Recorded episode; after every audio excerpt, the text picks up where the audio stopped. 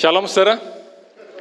Puji Tuhan, saudara diberkati dengan uh, pujian penyembahan tadi. Saya pribadi sangat diberkati saudara ya. Uh, bisa ditampilkan mungkin sedikit pengumuman sebelum nanti kita nggak sabar untuk sama-sama dengarkan materi hari ini saudara ya. Yang encounter night. Nah mungkin tadi yang di sana tadi sudah diumumkan saudara ya. Tapi saya ulangi lagi. Ini encounter night terakhir di tahun ini saudara ya. Jadi karena bulan Desember yang begitu padat jadwalnya, encounter night ditiadakan ini encounter night terakhir bulan November ini, saudara ya. Pastikan saudara datang. Ini ada, kalau saudara yang mengikuti sepak bola, ini ada pemain yang lagi terkenal, saudara, ya, namanya Erling Haaland, saudara. Ya. Ini lagi dengan tenangnya ada di tengah keramaian. Temanya tentang sahabat, saudara. Mau tahu? Kira-kira bahas apa, saudara ya? Ya pasti yang pasti tentang sahabat, saudara. Tapi saudara kan diberkati, saudara ya. Pastikan saudara datang hari Jumat, minggu depan, tanggal 25 November jam 7 malam, saudara ya, di gedung yang lama, di G5, lantai 3. Oke, puji Tuhan saudara, tanpa berlama-lama, malam hari ini satu topik yang saya pikir sangat penting sekali, saudara. Saya pikir dulu topik depresi ini apa sih? Depresi ini ya paling stres gitu ya. Tapi ternyata hari demi hari saya jumpai, saudara Depresi ini salah satunya berujung sama bunuh diri, saudara. Saya nggak tahu. Saya pribadi saya pernah mengalami depresi, tapi saya nggak sadar. Saya ingat tahun 2000 sekitar 2011 2012. Saya kalau saya flashback lagi, saudara. Ada satu momen saya depresi, saudara. Dan depresinya itu saya ingat sekali di gereja, di bawah. Saudara. Mau kebaktian Bible Study, Ya pokoknya singkat cerita saya tertekan, saya waktu itu banyak pikiran dan seterusnya tertuduh oleh iblis. Sampai saya ingat sekali, saya tulis di buku diari saya. Waktu itu di mau turun ke Baktian Bible Study jam setengah enam, saya ingat saudara. Dari kantor, saya turun di bawah. Mau turun itu malas sekali buat ikut Bible Study. Saudara. Karena kepala ini cenut-cenut saudara.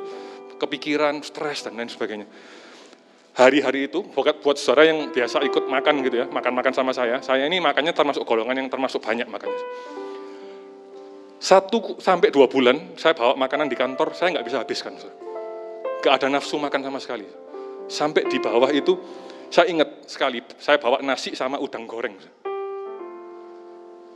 Sisa dari makan siang di kantor itu tiga per 4. Saya makan di bawah, nah ini sign depresinya, sore. Saya di mobil itu mau nangis, saudara. sambil saya angkat nasi, ini betul literally seperti ini, saudara. saya angkat sangu saya itu di mobil, sambil saya teriak sama Tuhan. Tuhan nasi udang ini enak Tuhan. Agak sedikit gini, saudara. di mobil seperti karena saya sudah nggak betah, saudara. Di sini penuh, di sini sesak, saudara. Maksudnya saya harus cerita ke siapa gitu, saudara. Tapi bersyukur saudara, waktu saya bilang seperti itu saudara, entah gimana hadirat Tuhan itu turun saudara. Saya nangis di mobil hampir setengah jam saya nggak turun dulu saudara. Mau turun akhirnya setelah selesai nangis, saya nggak langsung naik, saya cuci muka dulu di bawah supaya nggak sampai atas. Uh ini sudah altar call di mobil gitu ya. Tuhan sudah mengaltar call di mobil saudara. Tapi itu saya nggak tahu, ternyata itu memang sign depresi saudara. Karena itu malam hari ini saudara. Satu topik yang sangat penting sekali buat kita. Hari-hari yang lalu itu banyak dijumpai. Waktu kita mempersiapkan tema ini, saudara. Waktu kita pilih kok David sebagai pembicara, itu bisa diteguhkan, saudara. Waktu saya kontak kok David, kok bisa ngisi uh, di kap tanggal sekian enggak tentang depresi. Kok David bilang, wah saya hari-hari ini lagi melayani orang-orang yang depresi. Banyak ya kok David ya. Karena itu nggak pakai lama saudara, kita sama-sama mau dengarkan, semoga malam hari ini saudara diberkati, materi hari ini juga bisa menguatkan saudara-saudara atau teman-teman saudara yang mengalami depresi seperti ini, karena hari-hari ini banyak saudara ya. Oke, nggak pakai lama saudara, kita sambut speaker kita malam hari ini, Bapak David ST. Kita berikan semangat buat David. Puji Tuhan, Shalom. Sebelum kita akan masuk membedah tentang topik yang satu ini, kita akan nyanyikan pujian ini. Seperti di dalam uh, pasal atau pokok ayat pokok ini. Seperti rusa rindu Sungaimu jiwaku rindu engkau Kau laku hatiku ku rindu menyembahmu sekali lagi sama-sama. Seperti rusa rindu sungaimu jiwaku rindu. Engkau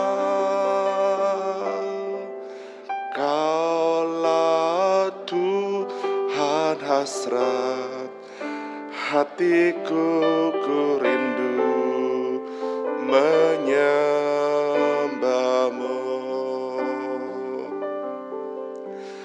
Engkau kekuatan dan perisaiku.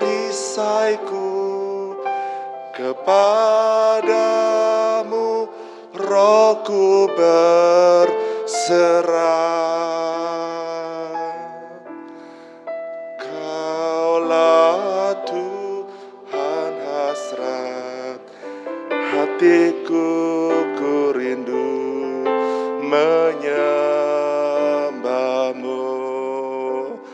katakan engkau engkau kekuatan dan perisaiku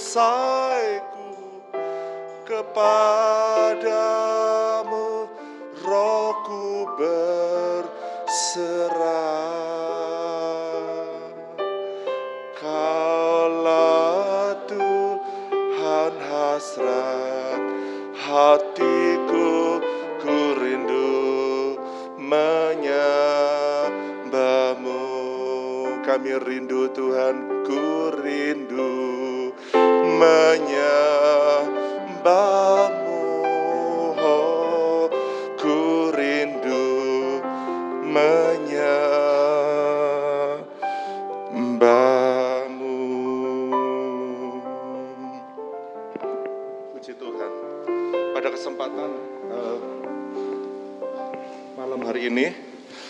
kita boleh bersama-sama mendapatkan satu kesempatan boleh bersekutu di dalam kebaktian kap pada saat ini.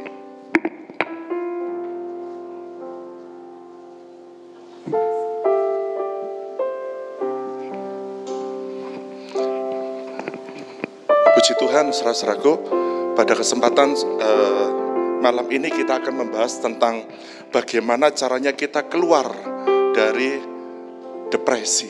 Nah, nanti kita akan lihat satu persatu apa beda stres dengan depresi. Seringkali dalam dunia eh, secara umum stres dan depresi itu katanya sama. Nanti kita lihat apakah benar sama. Kita baca dulu di dalam Mazmur 42 ayat 2 sampai ayat yang ke-6. Mazmur 42 ayat 2 sampai ayat yang ke-6. Lalu kita sambung ayatnya yang ke-11. Dikatakan jiwaku haus kepada Allah, kepada Allah yang hidup. Bilakah aku boleh datang melihat Allah? Air mataku menjadi makananku siang dan malam. Karena sepanjang hari orang berkata kepadaku, di mana Allahmu? Inilah yang hendak ku ingat, sementara jiwaku gundah gulana. Bagaimana aku berjalan maju dalam kepadatan manusia, mendahului mereka melangkah ke rumah Allah dengan suara sorak-sorai dan nyanyian syukur dalam keramaian orang-orang yang mengadakan perayaan. Kemudian ayat yang keenam itu adalah pengulangan dari kalimat yang sebelumnya ya ayat yang kedua saudaraku. Dikatakan mengapa engkau tertekan hai jiwaku dan gelisah di dalam diriku. Berharaplah kepada Allah sebab aku akan bersyukur lagi kepadanya penolongku dan Allahku. Kemudian kita sambung ayat yang ketujuh. Jiwaku tertekan di dalam diriku sebab aku sebab itu aku teringat kepadamu dari tanah sungai Yordan dan pegunungan Hermon dari gunung Mizar. Ayat 12 diulang lagi yang ketiga. Mengapa engkau tertekan hai jiwaku dan mengapa engkau gelisah di dalam diriku? Berharaplah kepada Allah sebab aku bersyukur lagi kepadanya penolongku dan Allahku. Kita sambung di dalam Mazmur 43 ayat yang kelima. Dikatakan diulang yang keempat, saudaraku. Mengapa engkau tertekan, hai jiwaku? Mengapa engkau gelisah di dalam diriku? berharaplah kepada Allah, sebab aku bersyukur lagi kepadanya, penolongku dan Allahku. Yang berbahagia saudara sudah membaca firman Tuhan, serta mulai menangkap serta bisa melakukan dalam hidup sehari-hari. Tidak kebetulan saudara-saudaraku, kalau di dalam ayat ini sampai empat kali dikatakan, saya ulang lagi, saya tambahkan yang kelima, dikatakan, mengapa engkau tertekan, hai jiwaku, Kemudian dikatakan mengapa engkau gelisah di dalam diriku? Ada dua komponen. Ketika jiwa kita tertekan, maka apa yang terjadi?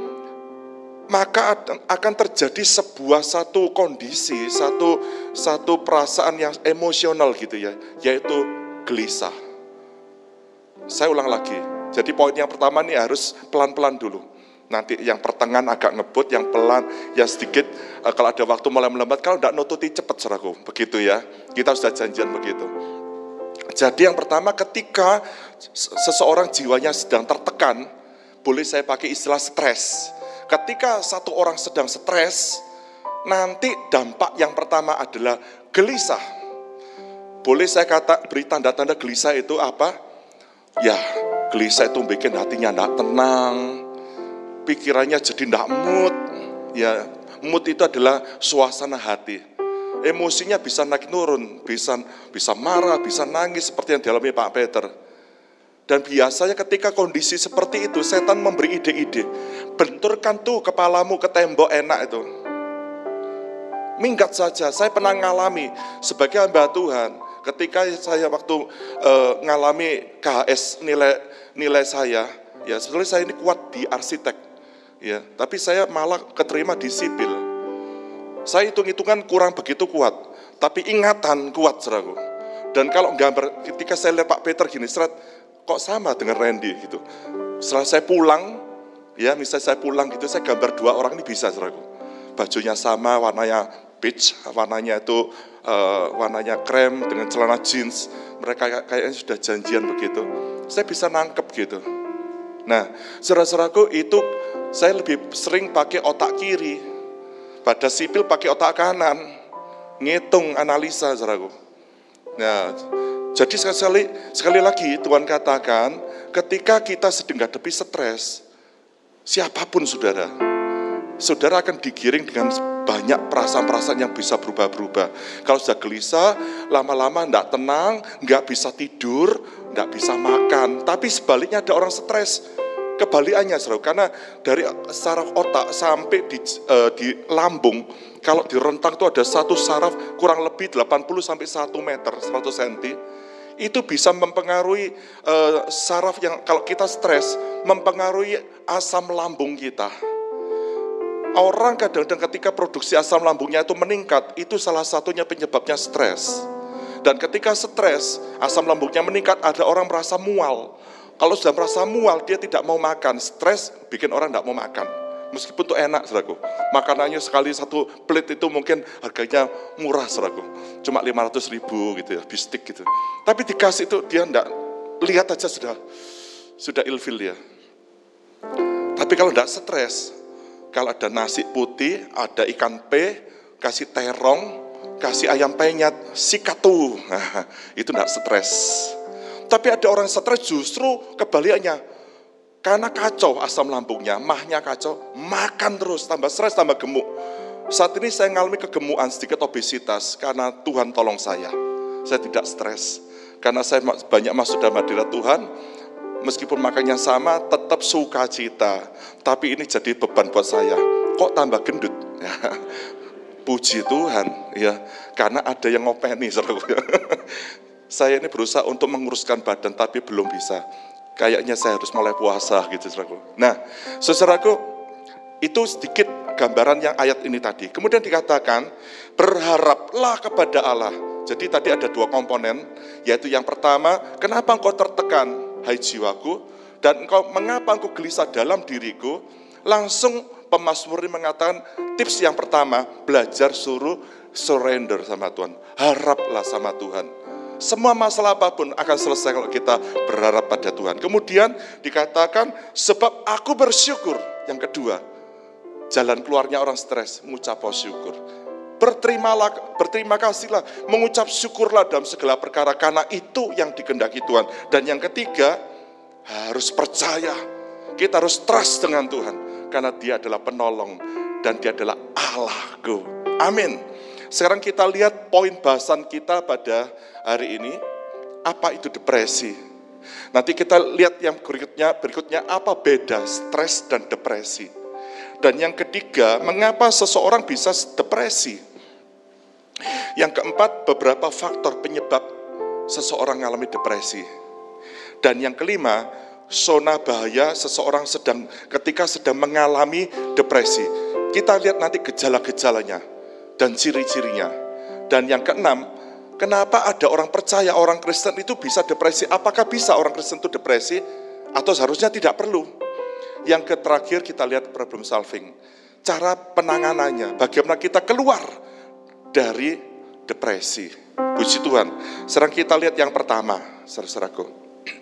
Oh ya, sebagai satu catatan, kalau Bapak Ibu kekasih Tuhan yang menginginkan materi ini, nanti bisa hubungi dengan Bapak Peter Hadinata, sudah bisa copy uh, PowerPoint ini ya silakan sudah bagi-bagikan pada siapa pun juga. Dari tadi saya lihat ada beberapa yang uh, sibuk dengan mencatat atau mungkin seperti mata kuliah itu. Saya pikir ini juga topik yang baik supaya kita bisa bagi-bagikan buat yang lain. Amin.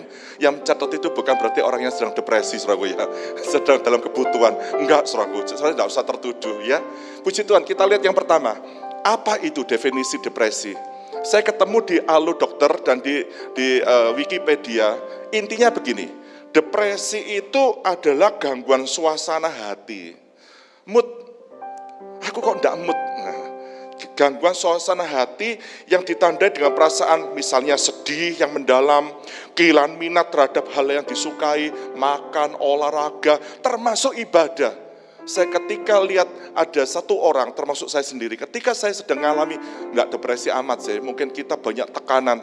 Tadi saya sempat sharing pada anak saya, dulu kira-kira berapa belas tahun yang lalu, Dedi, itu kalau Natal begini, sibuk-sibuknya, iya tadi, iya. Jadi dia bantu bikin PowerPoint, saya tadi sharing sambil di kamar, dia ketik. Iya, karena Dedi dulu suka dekor. Jadi kalau sudah Desember gini atau November sudah dekor gereja dengan tim, ya Eh, kemudian juga masuk sesi penginjilan. Saya juga uh, apa namanya membantu juga di Bible Camp keluarga, bantu uh, ngasih steni almarhum Bapak Pendeta Rufus. Dan kadang-kadang di kap atau dulu bukan kap Pasko.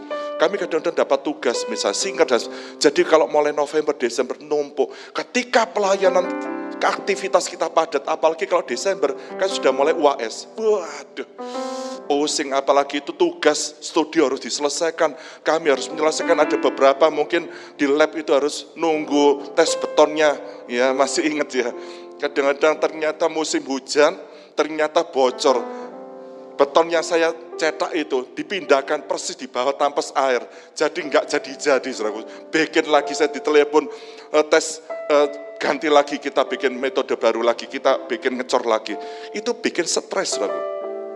Ya, jadi kita lihat itu ditandai dengan berbagai macam perubahan-perubahan. Termasuk kadang kita bisa marah, kita bisa sedih, kita kadang-kadang bisa emosinya bisa naik turun. Jadi kadang-kadang kalau orang sampai tiba-tiba marah, meledak-ledak, kadang-kadang dia bisa tangannya tremor, jantungnya berdebar-debar. Atau mungkin dia marah, pernah sudah lihat ya, eh, ada orang yang eh, seorang artis ya begitu, dia marah-marah, itu mulai stres, nanti akan meningkat dan ternyata itu bisa mengembang sampai akhirnya muncul bipolar. Ke, apa namanya pribadinya pecah. Ada juga orang yang stres tingkat tinggi belum tentu orang itu pri, uh, bipolar. Dan yang kita lihat yang berikutnya, misalnya juga ada orang yang kadang-kadang mengalami stres yang cukup berat, misalnya begini, dua minggu tidak uh, apa namanya tekanan stresnya tidak selesai-selesai, dia tidak mau keluar dari kamarnya lampunya dimatikan, dia tidak mau makan, tidak mau mandi, tidak mau keramas. Jadi kacau. Sehingga akhirnya mereka merasa dirinya itu murung, murung tidak ada harapan. Kadang-kadang percuma hidup. Dan akhirnya dia merasa dirinya jadi orang yang frustasi dan apatis. Percuma deh, acak-acakan hidupnya, saudaraku. Pergi gereja ya ogah-ogahan. Kita lihat yang kedua, apa beda stres dengan depresi? Kita lihat dulu yang stres. Memang stres dan depresi itu adalah dua kata yang berbeda tetapi sering kali secara umum diartikan sama. Kita lihat yang stres. Stres itu adalah sebuah ketegangan yang muncul akibat kehidupan sehari-hari. Ya, tadi seperti yang disaksikan oleh Pak Peter tadi, karena mungkin kerjaan, juga mungkin karena ditinggal pacar, mungkin pacarnya juga mungkin sempat pertemuan terakhir tidak mengenakan gitu. Atau mungkin bisa juga sedang bikin tugas lampu mati tanpa ada pemberitahuan. Berhari-hari terus kita ketik belum di save, hilang semua. Uh, itu bisa bikin stres aku. Betul nggak? Atau mungkin begini, kita sudah persiapan semua, ya misalnya kita mau menjelang tugas uh, worship leader, terus singer sudah disiapkan semua, janjian waktu. Ternyata jam satu ya kita ketemu di gedung gereja, kita datang jam 12 lebih, setengah satu, baru muncul pemain musik satu orang. Sampai mendekati jam satu kurang, tidak nongol-nongol, yang keluar itu cuma hanya pekerja gereja keluar masuk. Sampai kita ditanya, ada keperluan apa? Kok dari tadi kok tidak pulang-pulang? Mau latihan nih jam, jam satu lebih, muncul satu lagi, sedikit penghiburan. Saku. Dan ditunggu sampai jam dua kurang, bertiga saja pemain musik dan sama kita. Apa enggak posing? dengan satu WA, mohon maaf ya, kami semua sepakat tidak bisa datang. Kan kami sudah bilang, latihannya kami semua tidak bisa. Latihannya kami minta Jumat malam. Saudaraku bayangkan saudaraku, saudara apa tidak gemes ya. Lu saudara kalau seperti itu bagaimana? Itu stres, karena apa? Terjadi sesuatu perubahan atau mungkin aktivitas atau sikon yang tiba-tiba mendadak berubah. Misalnya contoh kita uh, misalnya kita mau berangkat ke Banjarmasin, persiapan dua jam kita berangkat dari rumah. Ternyata ada perubahan jalan. Sampai di daerah Mer ditutup, ternyata itu ada rombongan dari pemerintah datang. Terus kita cari jalan tikus, di situ ternyata hari baik, banyak terop-terop, banyak orang menikahkan anak, saudaraku. Akhirnya kita kejebak macet dan mantennya datang. Waduh, kita ada di, di tengah oh, parade iring-iringan eh mantennya teko seraku. Jadi kami kita nunggu sampai satu jam. Padahal kita tidak ada acara manten-mantenan, tidak ada acara seperti itu. Akhirnya kita lolos dan akhirnya sampai di bandara, pesawatnya sudah hilang. Dan orangnya mengatakan, baru saja 10 menit yang lalu sudah sudah board, sudah take off. Cuma dada-dada. Apa tidak kesel hati, seraku? Sudah seraku, semua bisa terjadi ya ada kemungkinan bisa terjadi. Kalau depresi apa? Depresi itu perubahan suasana hati yang disebabkan oleh ketidakseimbangan hormon, ada pengaruh. Itu juga bisa karena depresi itu ada faktor-faktor lain. Nanti kita lihat, termasuk yang bikin depresi siapa? Iblis, setan. Setan bisa pakai segala perkara, segala macam persoalan justru akan menekan kita, saudaraku jadi hati-hati ketika saudara sudah mulai terasa ada mulai gejala-gejala, sudah mulai tertekan, saudara waktu satu puji-pujian saudara tidak bisa nyanyi, ngangkat tangan aja sudah berat luar biasa. Dan seperti kita tidak kehilangan sekejap damai sejahtera kita, tidak ada sukacita. Apa yang terjadi? Kalau saudara seperti itu, saudara biar-biarkan, saudara akan mengalami ya seperti putus hubungan dengan Tuhan, lagi konslet dengan Tuhan. Justru ketika kita mengalami seperti itu, kita harus cepat-cepat datang kepada Tuhan. Carilah Tuhan, saudaraku. Jangan saudara menyendiri, mencari tempat-tempat sunyi. Setan akan memberi ide-ide dan di situ saudara akan ditemukan orang-orang kumpulan orang stres-stres. Wah, memang gini ini sudah percuma lah. Saya pernah satu kali melihat ada satu uh, om-om satu sudah umur 70, dia stres karena kencing manis. Dia pakai tongkat suraku. Dia jalan, itu waktu itu saya sedang manter mama saya di rumah sakit. Orang itu muka dari forum mukanya saya sudah kelihatan orang stres sekali. Rambutnya putih, dia duduk, dia taruh itu, dia saking marahnya.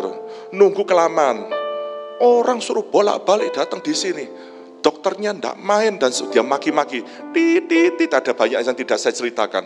Terus kemudian saya duduk, saya persilakan eh, karena beliau orang tua, dia juga banyak eh, banyak barang dan ada cucunya dan kelihatannya ada sopirnya datang, saya pinggir, saya pindah.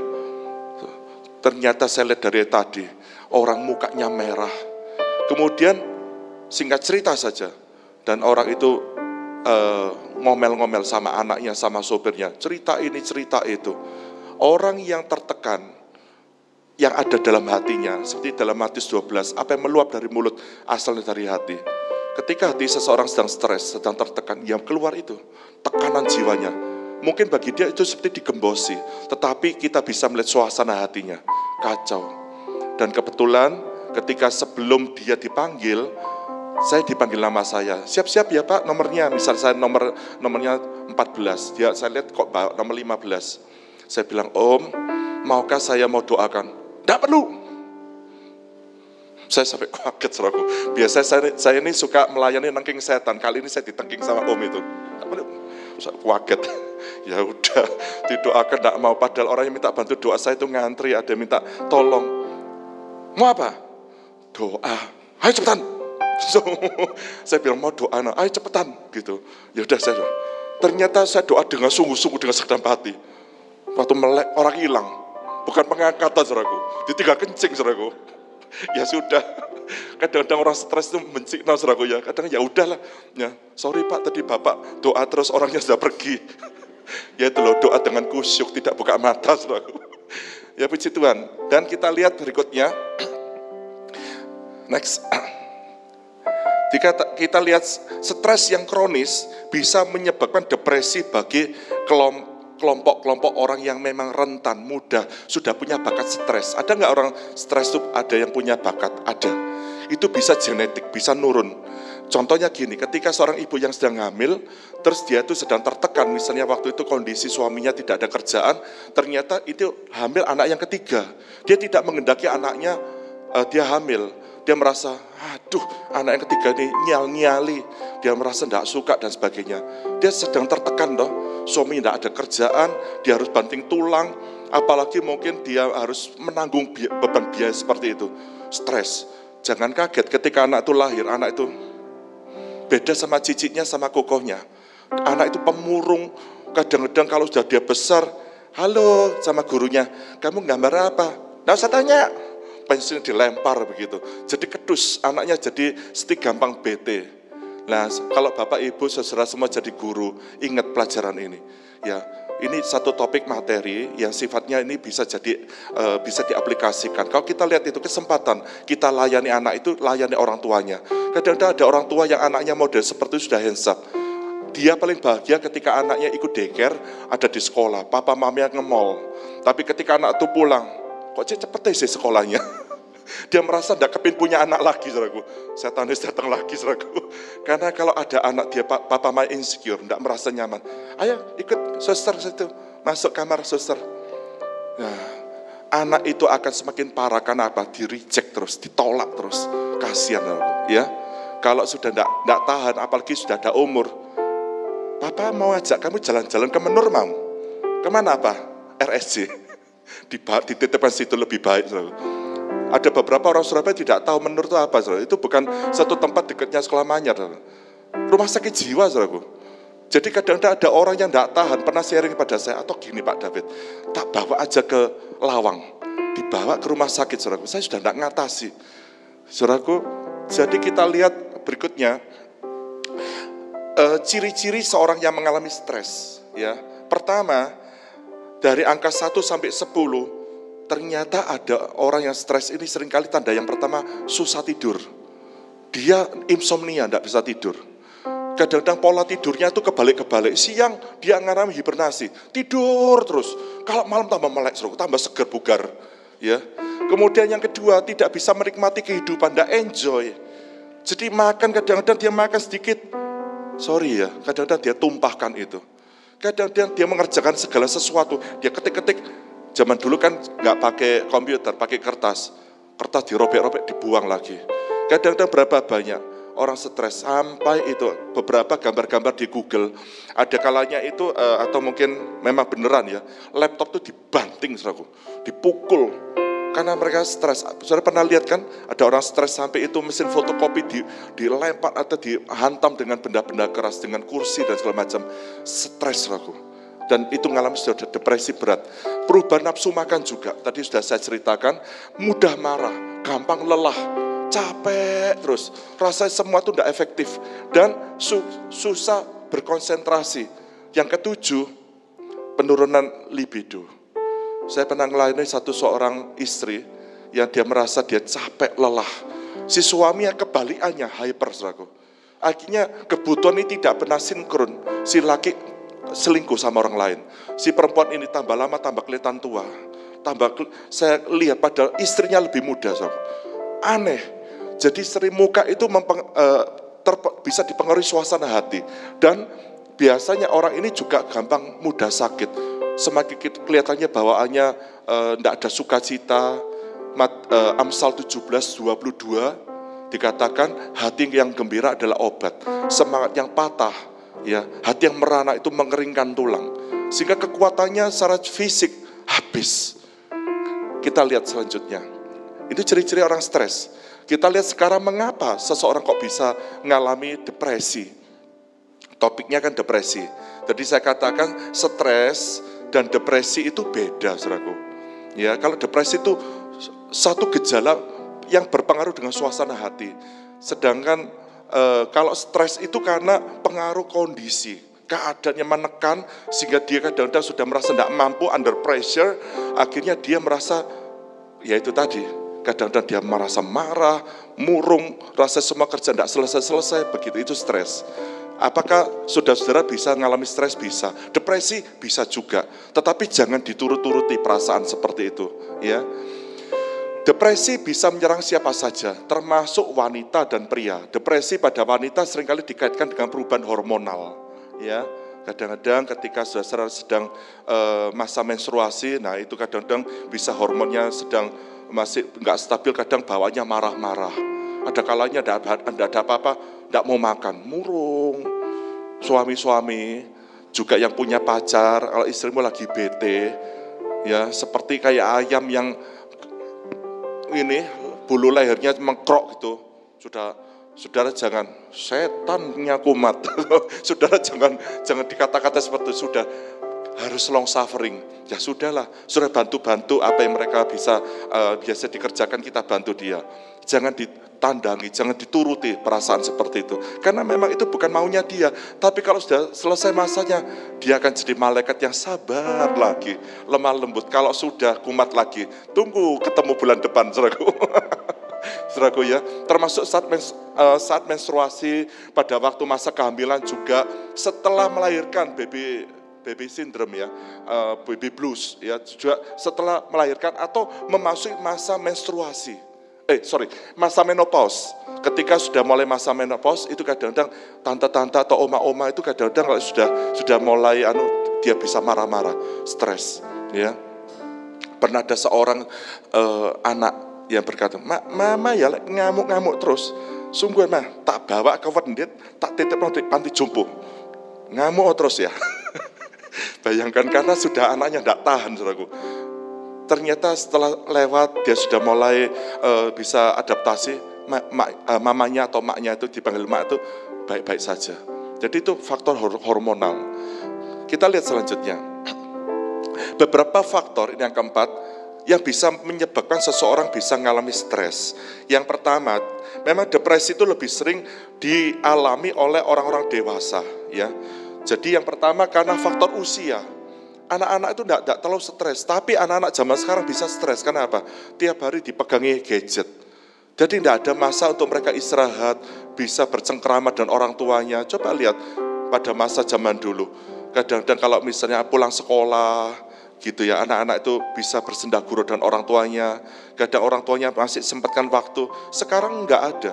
Justru gadget ini membuat hubungannya dekat jadi jauh. Hubungannya jauh jadi semakin dekat. Apalagi pakai metaverse. Waduh semua dibayang-bayangkan. Hati-hati saudaraku. Ya kecanggihan teknologi ini sangat membantu, tetapi kecanggihan teknologi ini justru banyak merusak mental orang, bisa menjauhkan kita dari hadirat Tuhan. Hati-hati, ya. Terus kemudian juga eh, dipengaruhi juga karena faktor hormon. Ya, faktor genetik juga karena tadi saya ceritakan karena pengaruh ya apa namanya orang tua. Kalau orang tuanya sering kali stres, jadi ingat ya, sesuatu yang, yang masih belum punya pacar udah udah nikah, enggak usah dianggap aja topik ini di, sudah di skip aja. yang masih single, yang mau cari jodoh, telusuri baik-baik. Carilah orang-orang informan, pemimpin-pemimpin rohani. Jadi lebih baik cari orang-orang yang gampang diketahui. Jadi jangan cari orang-orang yang masih riskan cari ketemu di Facebook, di IG, asal cantik, asal ganteng kayak artis Korea yang model kayak GG itu saudara ya. Laki pakai bengesan itu. Sikat bro, saudara nanti nggak ketemu tulang rusuk, ketemu tulang rusak. Ya, hancur selalu hidup saudara. Kadang-kadang itu semua bisa uh, face app pakai itu saudaraku. Tampaknya cantik-cantik, ayo. Ketika pertama gini, lah, waktu ketemu di darat kopi dar, loh, ternyata mukanya hitam lah kok kayak mak-mak gini. Loh namanya Tiffany. Iya. Ini toh betul toh nomor IG-nya. Iya saya. Aduh bila. Kecelik seraku. Kadang-kadang banyak penipu-penipu seperti itu. Sekali lagi jangan me, um, apa ya melakukan sesuatu resiko terlalu besar kita cari jodoh atau cari hal-hal yang yang lain di dunia ini. Saya akan ketemu, saya akan stres seumur hidup. Kemudian bisa juga karena tadi faktor hormon, karena zat kimia di otak tidak saya bahas, karena juga peristiwa traumatis. Contohnya apa?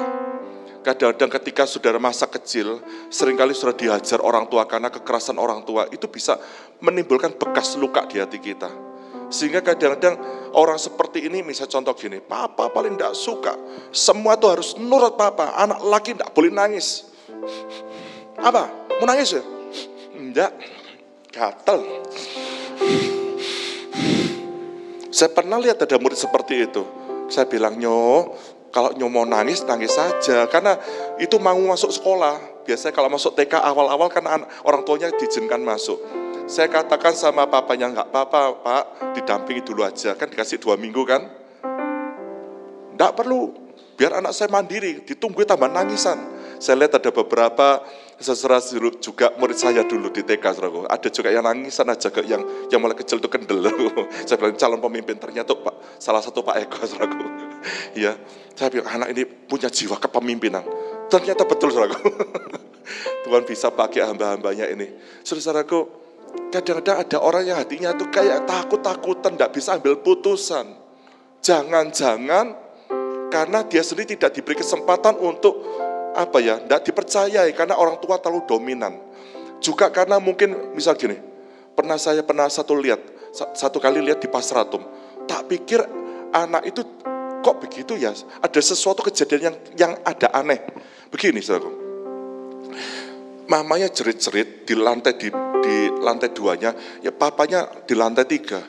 Anak kecil digotong gini, tak jungkrak no kamu, tak jungkrak no kamu. Mau dilempar, ini, ini pak, itu bawa jauh saudaraku. Itu parkiran, saya lihat itu di lantai tiga yang selevel dengan pak. Pak, eleng pak, ojo kesetanan pak, ha, inget pak, inget pak. Ternyata papanya lagi emosi, anaknya itu mau dilempar gini. Walaupun tidak dilempar, tak lempar kamu tak lempar. Wah itu ketakutan. Sampai anaknya itu tidur aku. Semaput loh anak itu aku. Saya bilang akhirnya Pak Sapam datang orang itu diamankan aku. Terus ternyata diceritain sama yang tajik yang punya toko uh, alat-alat uh, baju apa itu konveksi itu. Oh papanya dikatakan ternyata ada masalah kejiwaan. Anaknya mau dilempar begitu saudara. Wih, semua yang lihat tuh deredek saudara. Itu kira-kira tahun 85, 86 saudara. Saya lihat, wih ngeri saudara. Saya bilang, aduh kaki saya lihat itu saya gemeter semua. Ya itu trauma loh saudaraku. Saya pernah satu kali waktu masih kecil di Jalan Irian Barat itu ada kolam renang namanya uh, hiu. Apa itu? Uh, kolam renang. Dan saya itu dilempar oleh anak-anak muda sampai saya kejebur sampai 2 meter lebih. Ya. Dan akhirnya sampai sekarang saya tidak bisa renang, saudaraku. Takut lihat kami nyebrang di Selat Bali, itu laut begini. Oh Yesus, Yesus, Yesus. Ngeri loh aku. Karena sudah sudah dipulihkan Tuhan ya sekarang tidak apa-apa. Tapi kalau saya lihat langit atau lihat laut itu ngeri. Apalagi kalau saya foto lihat laut. Uh, seperti yut gitu. Isa seperti merinding saudaraku. Ketakutannya itu takut gitu. Karena saya tenggelam. Dan kedua saya pernah juga tenggelam di darah uh, di poso di situ saudaraku. Ya. Sampai saya terlempar, saya tidak ceritakan karena waktu saudaraku. Jadi itu bisa trauma. Dan bisa juga karena pola pikir yang salah.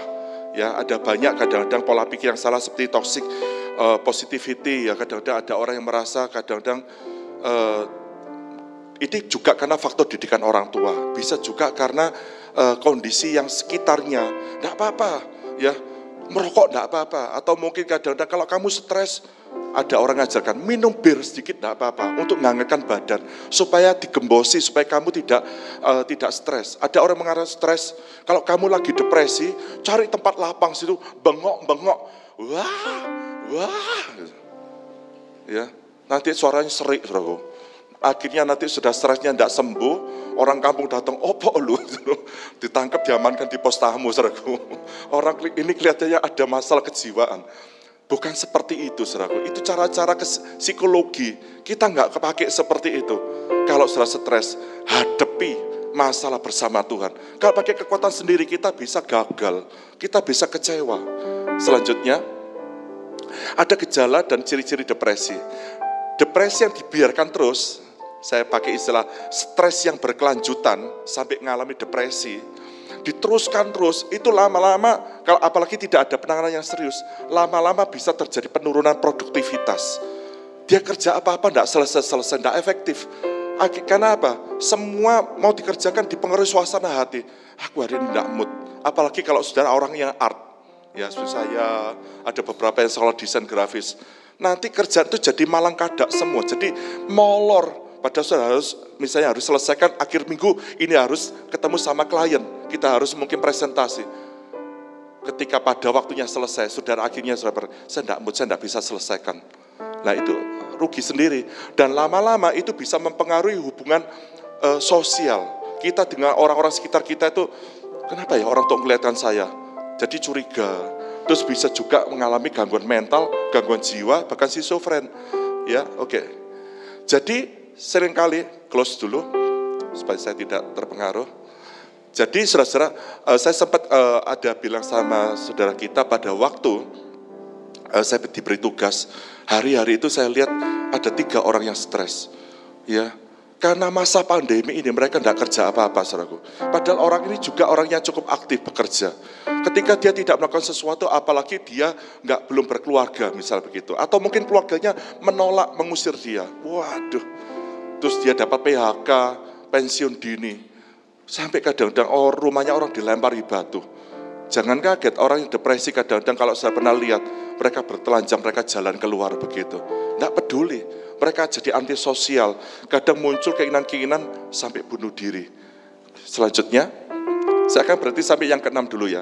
Ciri-ciri secara psikologis orang-orang yang depresi. Seringkali cemas, ketakutan yang berlebihan, khawatir, paranoid, ya, merasa tidak nyaman, merasa insecure dengan lingkungannya, membuat mereka mudah curiga pada semua orang. Next. Emosinya pun tidak stabil, hampir beda tipis dengan bipolar, ya hampir hampir mirip. Sering putus asa dan gampang frustasi. Kemudian sikapnya berubah jadi apatis, introvert, suka mengucilkan, mengunci diri sendiri, tidak mau uh, bertemu dengan lingkungan sekitar dia punya dunia sendiri, saudaraku. Yang kemudian ada ciri-ciri berikutnya, terganggunya pola makan dan pola tidur. Kacau semua. Tidak mau makan, makannya berlebihan, tidak bisa tidur. Lama-lama mereka ngatasi pakai apa? Pakai pil depresan, anti uh, pil tidur, obat tidur. Tapi lama-lama jadi keterikatan. Itu adalah obat-obat yang berhubungan dengan narkotik, saudaraku. Yang tidak bisa dijual bebas. Kemudian yang berikutnya, zona yang paling bahaya ketika seorang sedang stres seperti ini ya. Next, uh, paling bahaya saat seseorang mengalami depresi, dia bisa dengar suara-suara yang orang lain tidak bisa dengar, halusinasi. Kadang-kadang, sudahlah percuma kamu hidup, lebih baik kamu sudah goto, goto hell aja, kamu mati saja, mati di situ. Kemudian kadang-kadang lebih baik kamu bunuh diri, terus suara setan itu membuat dia kadang-kadang berbuat sesuatu di luar nalar. Dia kadang-kadang ngebut, suraku kadang kalau misalnya saya pernah lihat ya bersama istri ketika dalam sebuah perjalanan kami dipotong dengan mobil yang kebut-kebutan. Saya kira mereka suami istri sedang bertengkar. Ya mungkin istrinya sedang melarikan diri, yang satunya suaminya, kelihatannya lebih kencang yang belakang. Itu mungkin suaminya. Bertengkar, bayangkan kalau itu sampai nabrak orang di daerah Baruk, saudara-saudaraku. Kami ngeri, saudaraku, di daerah Mer. Jalannya macet tapi ada kebut-kebutan. Jangan-jangan itu mereka sudah istrinya sudah tidak tahan, suaminya seperti itu. Ya, akhirnya mereka bisa terjadi pencobaan bunuh diri. Next berikutnya. Nah, kalau sudah murung ini sudah rasanya sudah lebih baik mati saja. Percuma dunia sudah tidak suka sama kamu. Semua mengecewakan bukan? Terus dia bunuh diri.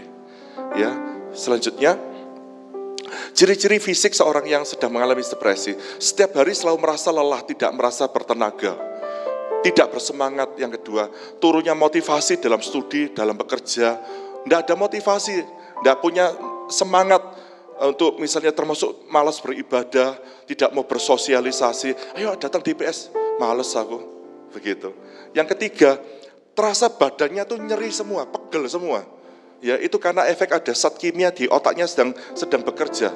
Padahal dia tidak kerja apa-apa, tidur terus. Tapi merasa badannya tulang-tulang sendinya linu semua. Sudah mau minum misal neural gitu apa, itu tidak ngefek. Mungkin bisa hilang sejenak, tapi ini masa di ininya, saudaraku. Ya ini yang error. Kemudian eh, kadang-kadang timbul dan hilang begitu saja rasa pegelnya. Kemudian terganggunya pola makan dan pola tidur, membuat sering kali terserang GERD, asam lambung uh, terproduksi berlebihan, mudah gampang sakit. Dan orang yang depresi, saya katakan ya, bisa menimbulkan autoimun. Ya, ngeri ya. Sekarang kan banyak tahu orang autoimun, hipertiroid, begitu. Salah satu orang depresi itu salah satu yaitu autoimun, kacau semua semua. Antibodinya drop sehingga mudah gampang sakit. Selanjutnya, nah yang keenam orang Kristen apa bisa depresi? Jawabannya bisa, saudaraku. Contohnya siapa? Saul. Saul ini hidupnya tidak pernah dipimpin roh lagi. Akhirnya dia kacau, roh alam meninggalkan dia. Dia seperti kayak kesetanan. Sampai akhirnya dipanggilkan Daud untuk jadi memetik kecapi supaya hatinya tenang. Siapa lagi Daud sendiri? Ya, karena Daud ini juga banyak ngadepi masalah. Sampai musuhku melebihi jumlah rambut di kepalaku. Dia stres.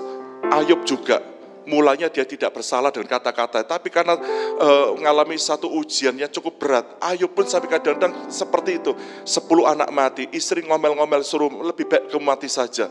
Ayub sendiri di, dilanda dengan sakit seperti borok-borok yang sekujur tubuh, mungkin baunya sudah busuk, dia sudah infeksi dari atas ujung kepala sampai ujung mata kakinya, dan dia ditinggal oleh teman-temannya. Ini orang yang kaya raya di tanah Us, dan akhirnya dia jadi miskin hancur hidupnya, stres, dia depresi. Siapa lagi? Hana. Hana itu terus diganggu dengan madunya namanya Penina. Ini adalah uh, istri dari uh, yaitu papanya Samuel, ya. Jadi Elkanah. Istri pertama Hana. Penina itu adalah madunya. Hana itu sampai dia itu berdoa ditegur oleh Imam Eli Hei, ini sudah hari siang, kenapa kamu datang, hai perempuan dursila, perempuan yang tidak baik, dikira dia perempuan yang sedang mabuk, karena mulutnya berkomat kamit. Aku ini orang susah hatiku. Dalam bahasa aslinya dikatakan, oh, aku ini sedang sumpek, stres, aku tertekan jiwaku. Siapa lagi? Yaitu Elia. Elia itu dikejar oleh Isabel sampai mau minta bunuh diri. Dia tegang, stres, sampai akhir dia depresi, termasuk putra manusia. Tapi putra manusia itu saking tekanan uh, sampai dikatakan keringatnya itu tetes-tetes keluar, itu pembuluh darah di bawah permukaan kulitnya pecah. Bukan seperti darah, keluar darah beneran. Saudara, dalam pergumulanmu belum sampai mengeluarkan darah, kata Paulus. Yesus sudah mengalami itu, tertekan sampai itu pecah, saudaraku. Keringatnya tuh diusap gini, lu darah semua. Tapi Yesus tidak dikatakan, maka peluhnya tidak habis-habis keluar darah terus Yesus stres dia bengok-bengok begitu teriak-teriak kan enggak tapi dia tutup dengan sebuah pergumulannya. Sekiranya boleh ya Bapak, cawan ini lalu daripadaku. Sengsara ini aku tidak kuat Tuhan. Tetapi jikalau engkau ini kehendakmu, aku akan jalani. God will be done. Biar kehendakmu yang jadi. Selesai, dia menyerahkan semasalahnya pada Tuhan. Putra manusia lolos, lulus ujian itu. Akhirnya dia bisa berhasil naik Kalvari. Nah, saya berhenti sampai di sini. Saya undang Pak Peter dulu. Mungkin nanti bisa ada uh, kesempatan untuk tanya jawab. Puji Tuhan. Oke, saudara saudara diberkati sampai sampai saat ini, saudara. Nah, ini kan kalau topik seperti ini itu rasanya kurang afdol, saudara. Kalau satu arah, Makanya kapan hari waktu uh, kemarin kok David telepon gitu sama saya, gimana kalau besok dibuka ruang untuk tanya jawab gitu. Siapa tahu, saudara di sini ada pertanyaan, saudara yang pengen bantu uh, saudara atau teman yang mengalami depresi dan lain sebagainya saudara ya. Atau mungkin saudara sendiri punya pertanyaan tentang seputar depresi ini. Silakan saudara uh, kirimkan pertanyaan saudara ke WA ini saudara ya, 0816502772 sambil kalau mungkin ada yang langsung mau tanya mungkin. Langsung on the spot aja saudara ya, santai aja. Ya, Steven bisa maju ke sini, Pak? Oh, boleh, boleh, boleh. Ya.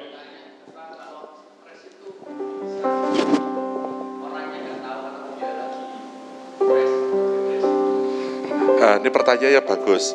Kalau ada orang yang stres, tertekan jiwanya, apakah bisa orang itu sendiri tidak menyadari kalau dia sedang stres begitu ya Pak Stephen ya? Ada kalanya bisa. Ya. Jadi ada orang yang tahu diri, maksudnya dia menyadari dirinya bahwa dia saat ini, aku ini tertekan kok David. Saya ini sumpah tuh cerita dia, oh begini begini. Tapi ada kalanya, iya Bu, pernah satu dalam satu kali kesempatan melayani, Pak David lihat, saya ini stres apa enggak? Hmm, nah kalau dikasih pertanyaan itu jangan langsung dijawab. Iya, stres lo kelihatan lo, lo kelihatan lo, lo. Sudah orang itu sangat ngamuk.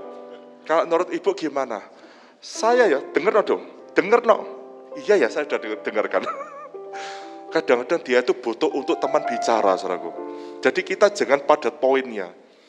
Ternyata saya, intinya dia bilang gitu, seluruh kantor, bahkan bos saya yang saya selama ini saya respect, dia masih ada family, dia sepupu saya, saya udah dipecat keluar. Katanya saya tidak bisa begini, saya ngatur, katanya ada kekisruan di dalam accounting. Katanya saya ini stres, ditinggal suami, begini, begini. Lalu Pak David bagaimana? Saya belum jawab, belum menjawab, dia cerita lagi. Jadi pada waktu dia sudah mulai kehabisan kata-kata, gini, lihat menurut saya ibu ini tidak stres. Nah ini betul, betul Pak David, aku ini dibilang stres. Enggak, Tajik ini enggak stres. Apa bilang Tajik stres? Enggak, enggak. Terus dia mulai nangis. Aku ini ya, tak bilang ya Pak David. Cerita wes. Tak dengerin terus. Itu sudah tanda stres tau. Jadi, terus tangannya gini, saudaraku. Loh, loh, lah kok Parkinson? Kok goyang-goyang? Kalau dikasih rebana bunyi, kericik, kericik, kericik, kericik. Ya. Ini tahu, saya ini. Oke, Cik, saya mau nyanyi ya. Saya nyanyi gini. Kekuatan di hidupku. Cukup? Saya waktu itu ngajak ada tim doa. Coba kamu di belakang dia. Jadi kalau ngelainnya ibu, ibu-ibu atau wanita cari teman, mungkin istri atau teman kita satu PS sesama perempuan. Saya bilang give hug, beri pelukan, lus-lus dia, bahasa sentuhan. Terus dia langsung peluk, ya, peluk gitu. Wih, ternyata di situ loh Tuhan mulihkan dia. Jadi dia tidak perlu konfirmasi pernyataan stres panda. Saya cuma katakan, kasih Tuhan, kasih Tuhan membalut hatimu. Engkau banyak engkau dikecewakan. Engkau sudah ditinggal oleh suamimu. Engkau dengan beban empat anak. Engkau harus menghidupi anak-anak dan engkau harus keluar. Yesus lebih menderita pada Yesus lebih mengasihi ibu. Tiba-tiba orang itu diem, beluk. Teman saya melok guling, beluk karena orang gemuk. Jadi mereka gulung komeng orang dua. Wush, Terus ternyata teman saya itu di bawahnya, kok David, kok David. Serasa tidak bisa napas, gede. Singkat cerita, dia itu ngomong gini, Pak David terima kasih buat pelayanannya. Aku ini stres Pak David. Dia jawab sendiri, ya sudah, gitu Pak Steven. Jadi ada orang yang kadang stres tidak nyadari. Dia tidak mau terima kalau dikata stres. Kamu gila ya? Gitu. Jangan. Jadi kita layani undang kasih Yesus. Gitu ya Pak ya. Oke, okay, thank you David. Ya, ini ada dua ya. pertanyaan masuk. Ini yang bagus sekali. Saya bacakan yang pertama. Uh, ini mau tanya, gimana caranya untuk bisa menyembah Tuhan? Untuk bisa, maksudnya uh, praise and worship itu bisa enjoy dengan baik, tapi suasana hati dalam kurung mood itu sedang dalam kondisi yang tidak baik-baik saja, David. Itu caranya gimana supaya Nah itu kan mungkin kita yang uh, di ibadah biasanya ngalami gitu. Datang itu sudah, aduh gak mood. Cuman gimana solusinya ya. untuk bisa menyembah Tuhan dengan Saya ngalami itu, saudaraku. Pernah ngalami, ya. Jadi ketika pada waktu saudara misalnya ya uh, seorang worship leader sudah mengangkat pujian, tapi kita tidak mood. Itu macam-macam ya, saya tidak ceritakan penyebabnya apa, macam-macam ya. Nah, mungkin karena nilai saudara ketika tadi siang dihadapi suatu persoalan, nilai ujian atau di uh, kadang-kadang penilaian di di kantor sudah dapat nilai yang buruk atau mungkin mobil saudara mau berangkat ke gereja diserempet orang dekok pecah saudara. Kepada saudara sehari-hari itu sedang sedang kekurangan sedang banyak biaya. Mama sakit terus anak juga kemarin diare diare. Aduh sudah rasanya. Sampai Aisyah berkata memang hari ini luar biasa. Ketika song leadernya tidak peka saudara misalnya suruh berdiri terus, ya kaum muda kan suruh berdiri terus ya. Tidak nyindir ya, tidak nyindir. Tapi itu memang stylenya begitu. Dari tadi berdiri terus, capek. Jadi semua dikomentari. Ini lagi ya memimpin pujian orang ini lagi. Biasa orang kayak gitu itu semua itu tidak mood, semua di semoni, ya, semua dikata-katai. Tapi dia tidak bisa nyanyi. Caranya bagaimana? Gini, tips saya pernah saya alami, ya sudah diem aja diam aja. Waktu kita diam, tapi kita harus fokus, arahkan kita pada Tuhan. Mungkin sudah mau pejamkan mata, misal lagu, lagu Tuhanlah kekuatan dan masmurku. Lagu kan cepat beatnya. Tapi kita cuma tepuk tangan tidak bisa, saudara, tidak bisa tepuk tangan. Saudara bisa tarik nafas sedikit panjang. Yesus. Sebut Yesus. Karena Tuhan katakan toh Roma 13, orang yang berseru nama Yesus akan diselamatkan. Terjemahan yang lain dikatakan orang itu akan dilindungi. Sudah sedang di, dikuasai dengan roh kegelisahan, roh mangkel, marah, stres. Yesus, Yesus. Kalau saya penuh roh kudus,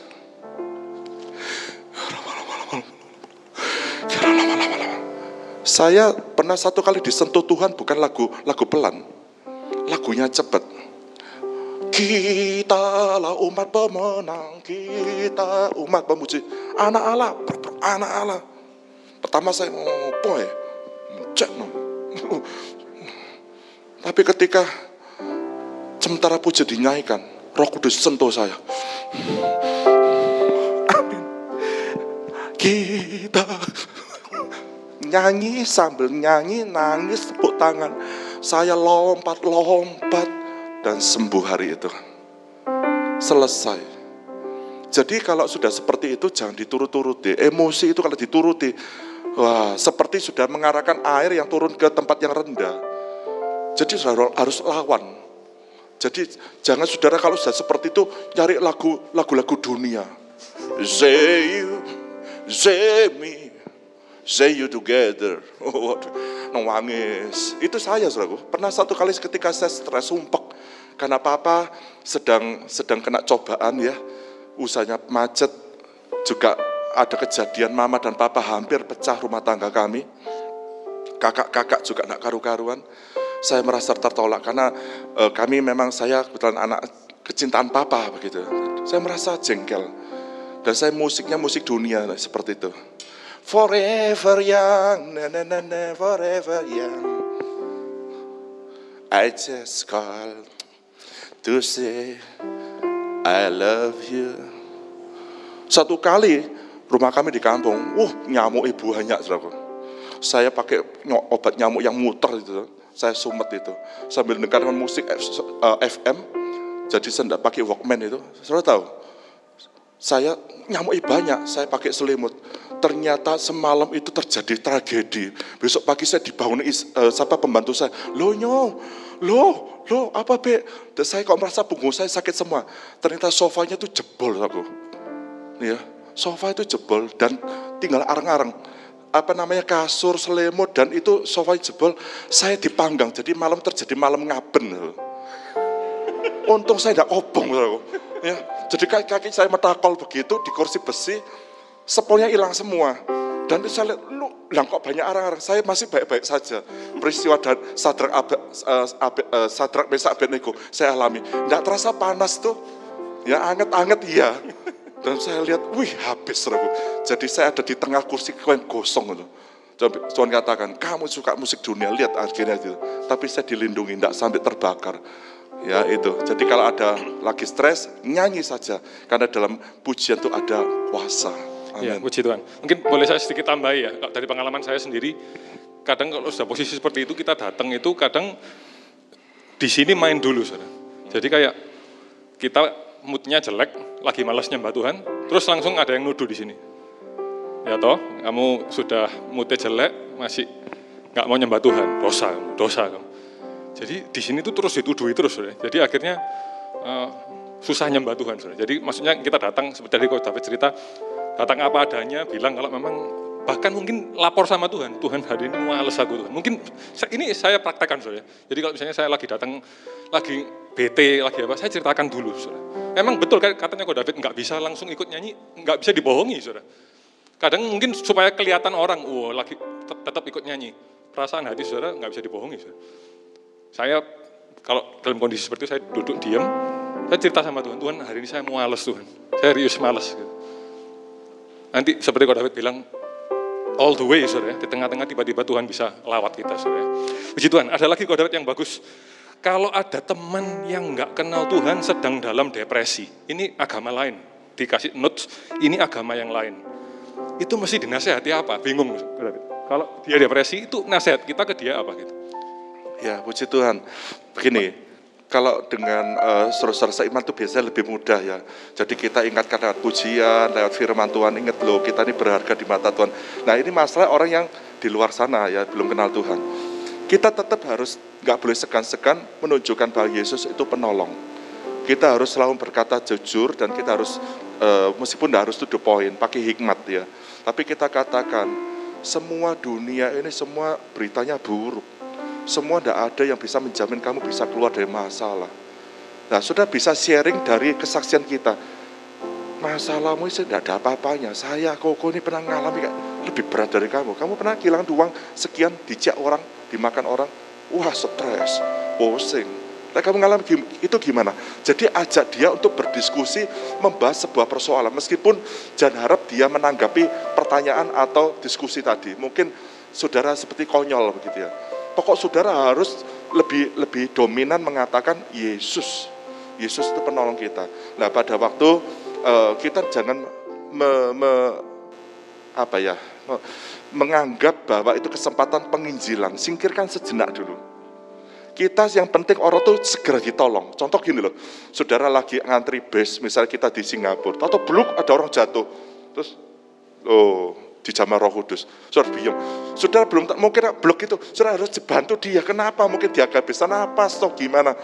Pernah satu kali saudara saya di Singapura ada orang India, orang Melayu, orang India. Persis di depan saya. Saya merasa ada bau yang kurang enak, saudara. Saya, saya mulai pusing. Saya lihat ini kok basah, saudara. Terus saya noleh sebelah sana. Nah itu kadang-kadang di MRT seperti itu ya. Nah kita, misal ada orang tuh jatuh, ya kita tangani yang penting kalau orang seperti itu kita tangani. Jangan menunjukkan bahwa identitas kita atau uh, motivasi kita me mengkristenkan dia. Kita cuma katakan, gini loh, nggak tapi seperti ini, begini, begini, begini. Mau nggak kamu tak doakan? Ya, sudah bisa arahkan ke situ atau sudah bisa memberikan satu, nggak usah ditanggapi, dengarkan saja. Kadang-kadang orang seperti itu butuh piring hati. Kita ini terlalu banyak pandai berbicara tapi kurang pinter jadi pendengar. Saya banyak belajar dari istri saya. Koko, kalau konsultasi dari tadi tak lihat kamu banyak ngomong terus. Sekarang kamu diem, bilang mana enggak usah dengarkan saja. Iya, iya saya ngerti. Oh, kok sampai kayak gitu ya tante? Bicara sedikit-sedikit. Ketika sudah reda, iya, memang gini ya tante. Kondisi sekarang tuh begini-gini. Ya, saya percaya satu yang bisa tolong kita kok, Tuhan Yesus. Mau tak doakan tante? Biasanya orang yang punya masalah berat, kalau sudah didoakan pada titik itu, pasti dia mau. pasti mau. Tidak sampai enggak. Ya, tapi kalau gini ya, kamu harus ke gereja. Gereja kami jam 6 pagi, selesai sampai jam 9. Lain saya datang hari Rebo, ya, bebas tadi. Uh, ini ada buku-buku harapan tipis. mereka tidak perlu itu. Mereka tidak butuh Bible study, tapi butuh kasih Yesus. Butuh penolong. Siapa? Perkenalkan itu. Itu Pak Peter. Oke, Ya. terima kasih. Dokter. Jawabannya bagus sekali, saudara. ya. Satu lagi.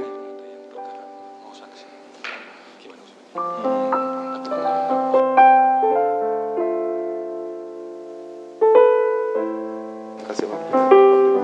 Oke, saudara, ya, eh, sambil nanti eh, setelah ini, setelah ini ada satu kesaksian, saudara. ya. Sambil setelah itu nanti Ko David akan eh, tutup eh, kesimpulan juga mungkin mendoakan kita semua. Saya undang Grace bisa maju ke depan, mungkin bisa eh, menyaksikan, bisa sharing ke kita semua bagaimana bisa melawan depresi. Kita berikan semangat buat Grace ya. Bagaimana kita bisa melawan depresi kita, saudara. Ya saudara, sebentar saudara. Dari tadi saya dengerin firman itu tangan saya sampai gemeter ya saudara.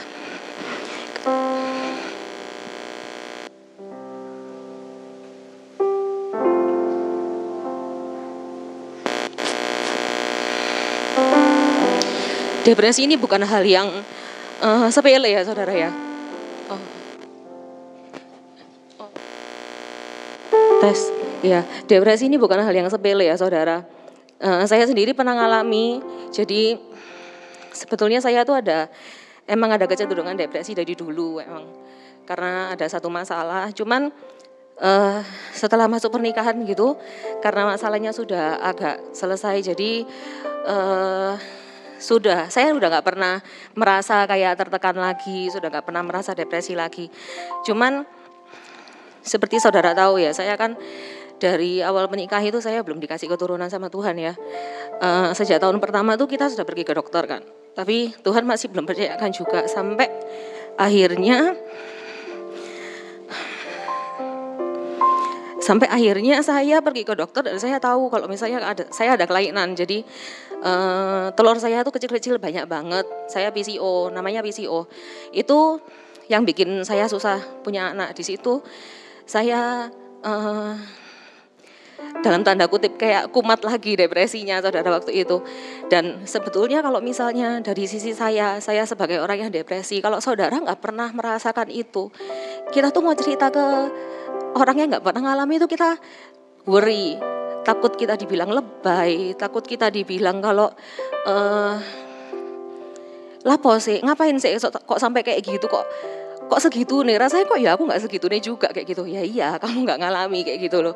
Dan emang kata Om David tadi kan banyak hal itu bisa bikin kita depresi. Waktu saya itu kasusnya karena saya merasa bersalah karena saya nggak bisa kasih keturunan buat keluarga kami. Karena karena kesalahan saya di situ saya ditembakin ditembakin pernah berapi sama iblis. Saya dibilang wes kamu nggak ada gunanya hidup. Kamu lo nggak bisa apa-apa. Kamu kerja ya enggak waktu itu saya nggak kerja saudara. Kamu kerja ya enggak nggak bisa kasih duit ke keluargamu. Kamu kasih anak ya nggak bisa. Terus sekarang kamu bisa ngelakuin apa? Nggak ada. Wes salah. Loncat tuh loh dari lantai 26 saya kayak gitu ya saudara. Tapi suami saya nggak tahu. Karena saya takut dibilang lebay karena dia juga saya merasa dia nggak pernah ngerasain depresi. Dan saya aku cerita nanti yo keadaannya nggak pas gitu loh. Karena kan kita lagi berkumpul tentang anak juga atau waktu itu. Dan kita juga dapat tekanan gitu loh dari orang-orang sekitar pada saat itu. Saya ingat banget puncaknya waktu itu malam suami saya sudah tidur. Saya keluar kamar nggak tahan saudara. Saya nangis saya meringkuk ya. Meringkuk itu di lantai kayak kayak ulet gitu loh. Saya meringkuk gitu. Oh Tuhan tolong. Karena rasanya itu kayak nggak ada kekuatan lagi gitu loh. Kayak aku tuh pengen ngikuti untuk loncat gitu loh rasanya. Udah kayak ngeliat balkon kayak oh Tuhan aku nggak kuat. Yang saya lakukan apa saudara? Saya nggak punya nggak punya orang lain kan di rumah cuma ada suami saya aja saya sendirian saya katakan setiap kata-kata yang saya ingat di Alkitab waktu itu. Saya bilang, kamu biji matanya Tuhan. Kamu berharga di matanya Tuhan. Kamu umat pilihan, kamu kuat, nggak akan melebihi kekuatanmu. Semua akan terlewati bersama dengan Tuhan. Tuhan akan kasih kamu kekuatan yang baru. Untuk bahasa roh susah ya saudara waktu itu. Tak paksain. Saya nyanyi setiap lagu yang pop up di kepala, wis pokoknya tak lawan. Kalau saya nggak ngelawan saudara pada saat itu, wis nggak tahu apa yang akan terjadi pada saya pada saat itu. Terus tiba-tiba Tuhan ingetin satu saudara, saya langsung ambil handphone, saya langsung telepon, tolong tolong tolong aku, tolong doa, aku aku nggak kuat. Saya langsung bilang gitu. Dia untungnya nggak pakai tanya, kamu apa oh atau apa dia nggak pakai nanya, dia langsung ngomong, ya wes ya wes ayo kita berdoa sekarang kayak gitu. Langsung saya didoakan, saya ditemani, dia bahasa roh. Malam itu saya ditemani kayak satu jam mungkin. Terus pada akhirnya saya bisa tenang. Terus saya minta saya thank you ke dia. Yang saya mau bicara ini uh, kalau saudara ngalami hal kayak gini, kalau saudara ngalami depresi, ini ini datangnya kayak nggak terduga gitu loh. Kayak segala hal kayak bisa iblis pakai untuk nyerang kita, nyerang pikiran kita sehingga kita tuh kayak hancur. Kita disuruh lompat. Saya pernah apa? dibayangin saya tabrakan, saya pernah dibayangin saya mati kayak gitu. Itu kayak bolak-balik. Saudara lawan saudara. Saudara ambil handphone saudara, saudara telepon orang yang saudara percaya, kalian nggak usah cerita pun nggak apa-apa kayak gitu loh. Aku minta didoakan ya, tolong aku doakan aku, aku nggak kuat. Saudara bilang gitu aja saudara, ke saudara seiman kalian yang kalian percaya. Itu hal yang simple kelihatannya ya. Tapi doa saudara itu malam itu benar-benar kayak nguatin saya, bikin saya bangkit, bikin saya tenang, dan saya nggak loncat malam itu. Karena siapa? Karena Tuhan ya saudara, Tuhan yang kasih dia untuk dia mendoakan saya, Tuhan yang kasih saya kekuatan untuk saya ngelawan hal ini. Dan saudara, beberapa waktu kemudian saya cerita, baru cerita ke suami saya, sebenarnya aku tuh dari dulu ngalami depresi. Kenapa? Dulu aku teriak-teriak, kalau pas kamu lagi ini moro-moro aku nangis. Sebenarnya karena aku depresi, tak ceritain semua. Dan sejak itu saudara, Tuhan bikin uh, rumah tangga kita pulih dalam artian dia bisa lebih memahami saya. Kalau saya pas lagi uh, kayak emosinya nggak kekontrol gitu, dia bisa peluk, dia bisa, nggak apa-apa mi, nggak apa-apa bukan salah ya mami wes emang keadaannya kayak gini. Tuhan mau kita berusaha lebih keras untuk punya anak. Tuhan mau kita jalani proses ini. Nggak apa-apa mami nggak salah. Mami yo nggak minta PCO toh. Tuhan nggak salah nggak ada yang salah. Sudah kita jalani bersama. Itu pada akhirnya sekarang bikin saya bisa bebas dari depresi ini saudara. Kalau saudara alami depresi ada baiknya ya saudara. Cerita ke orang terdekat seperti saya, cerita ke suami saya itu penting banget dia bisa nguatin kita kayak gitu saudara ya. Dan kabar baiknya saudara, sekarang saya sedang hamil 13 minggu.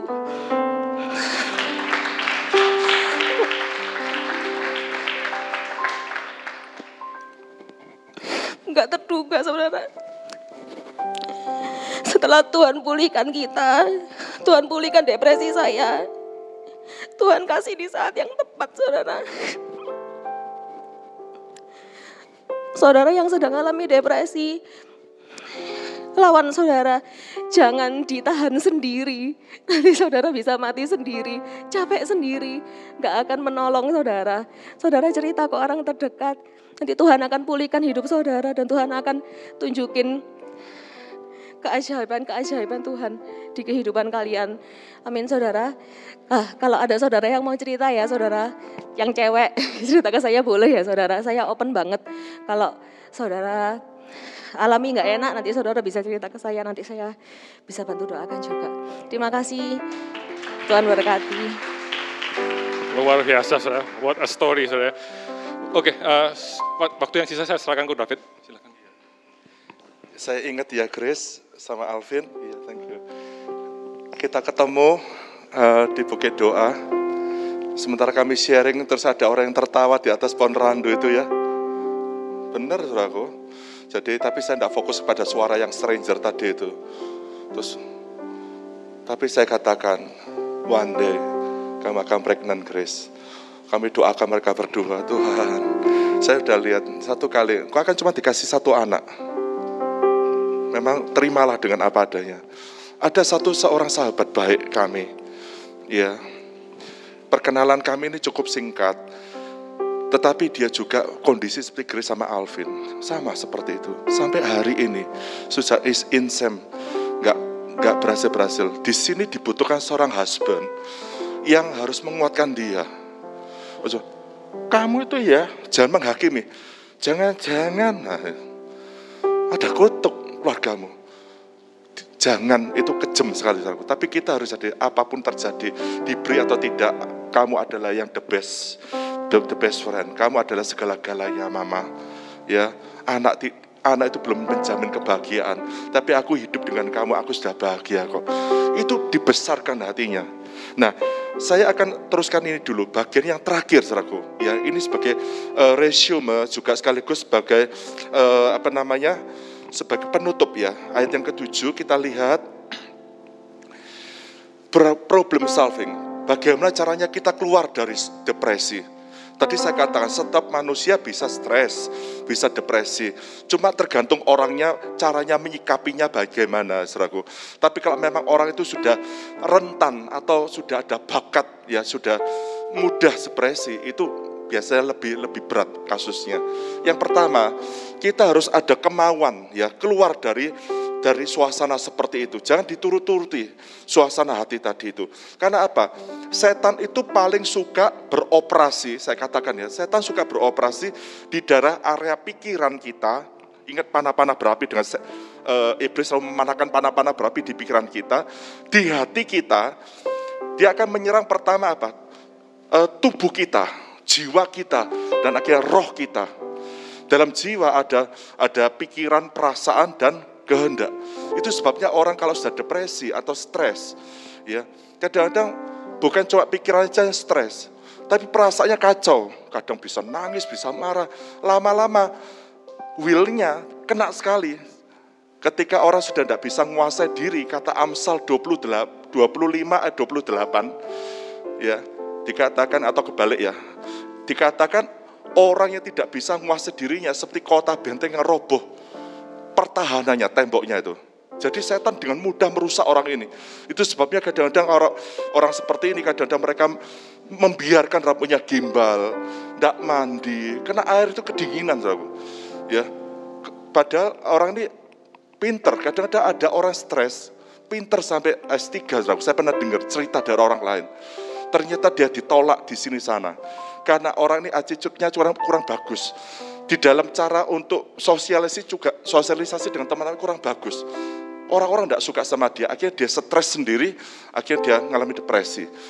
Kemudian depresi itu ingat bisa disembuhkan. Apalagi saudara dan saya adalah orang yang percaya Tuhan. Kita punya Tuhan jadi sumber kedamaian, ketenangan.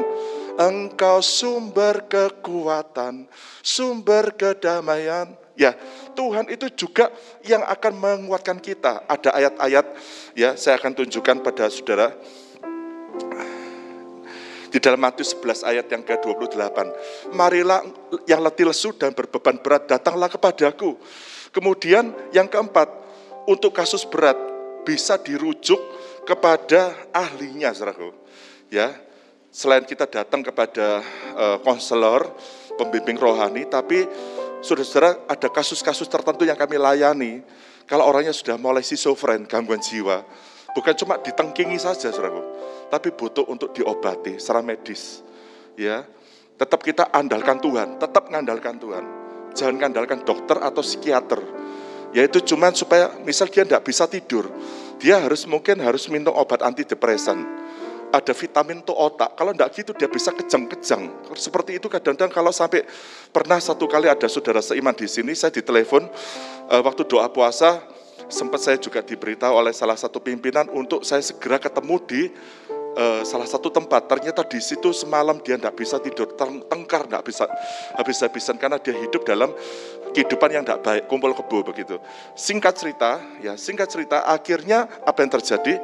Uh, ibu ini stres sampai gagang telepon dipukul-pukul gosong semua saudara sampai itu akhirnya dia malam itu mau pesen buah sampai tak pisau untuk gini saudara untung CC-nya tahu, ya oleh pimpinan Roh Kudus bisa tahu posisinya ada di mana. Dan segera aksi itu tidak sampai terjadi. Dan kami datang doakan bersama salah satu uh, saudara seiman juga. Saya katakan nanti dipantau-pantau ya apa yang terjadi. Waktu saya habis cuci mobil darah panjang jiwa, saya dikabarkan, kok sekarang orangnya lagi melarikan diri, sudah dibawa ke rumah sakit jiwa. Ya, ternyata sama dokter, baru tidur karena dia melarikan diri tanpa sandal, tanpa anu. Jadi dia pakai pakaian uh, rumah sakit itu. Dan untuk kasus berat memang harus dirujuk ke psikiater. Tujuannya apa? Supaya bisa ditangani secara intensif, saudaraku. Dan uh, untuk membantu mengatasi kegelisahannya kadang-kadang mereka harus diberi obat penenang dan sebagainya. Ya, itu untuk selanjutnya dikatakan uh, datanglah pada Tuhan untuk memulihkan suasana hati dan untuk mengangkat tekanan jiwanya. Selanjutnya, terakhir. Nah, contohnya seperti Raja Daud. Saat jiwanya tertekan, apa yang dilakukan oleh Daud? Dia datang pada Tuhan supaya Tuhan menyembuhkan jiwanya. Ya, seperti rusa yang rindu air sungaimu. Jadi orang yang tertekan itu posisinya seperti rusa yang kehabisan air, kehausan. Jadi dia butuh disegarkan, butuh dikuatkan. Dan kita lihat Yesaya 61 ayat 1 dikatakan ayat ini demikian.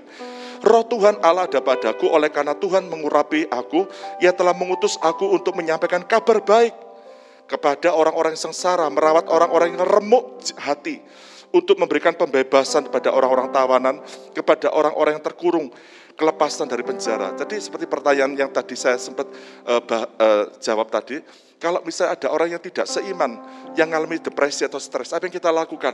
Kita kabarkan kabar baik. Karena roh Allah ada pada diri kita, kita lepaskan mereka dari tawanan iblis. Orang yang depresi, orang yang stres berat itu ditawan jiwanya oleh setan. Kita lepaskan. Dan kita minta supaya kuasa roh kudus bantu kita.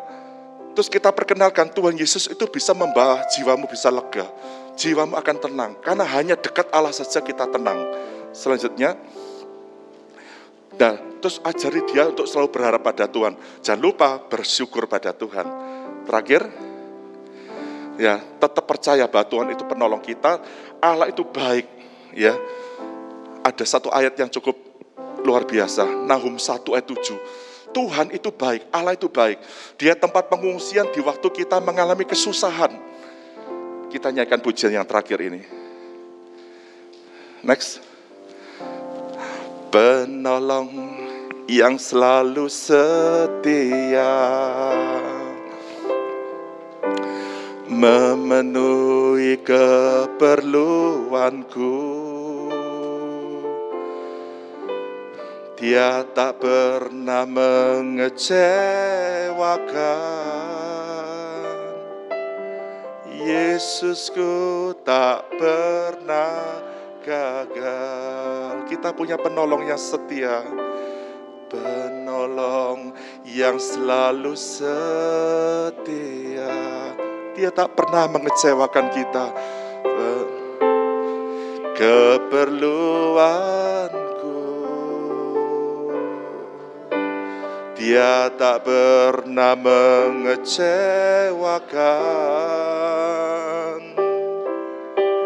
Yesusku tak pernah gagal. Sama-sama kita nyanyikan.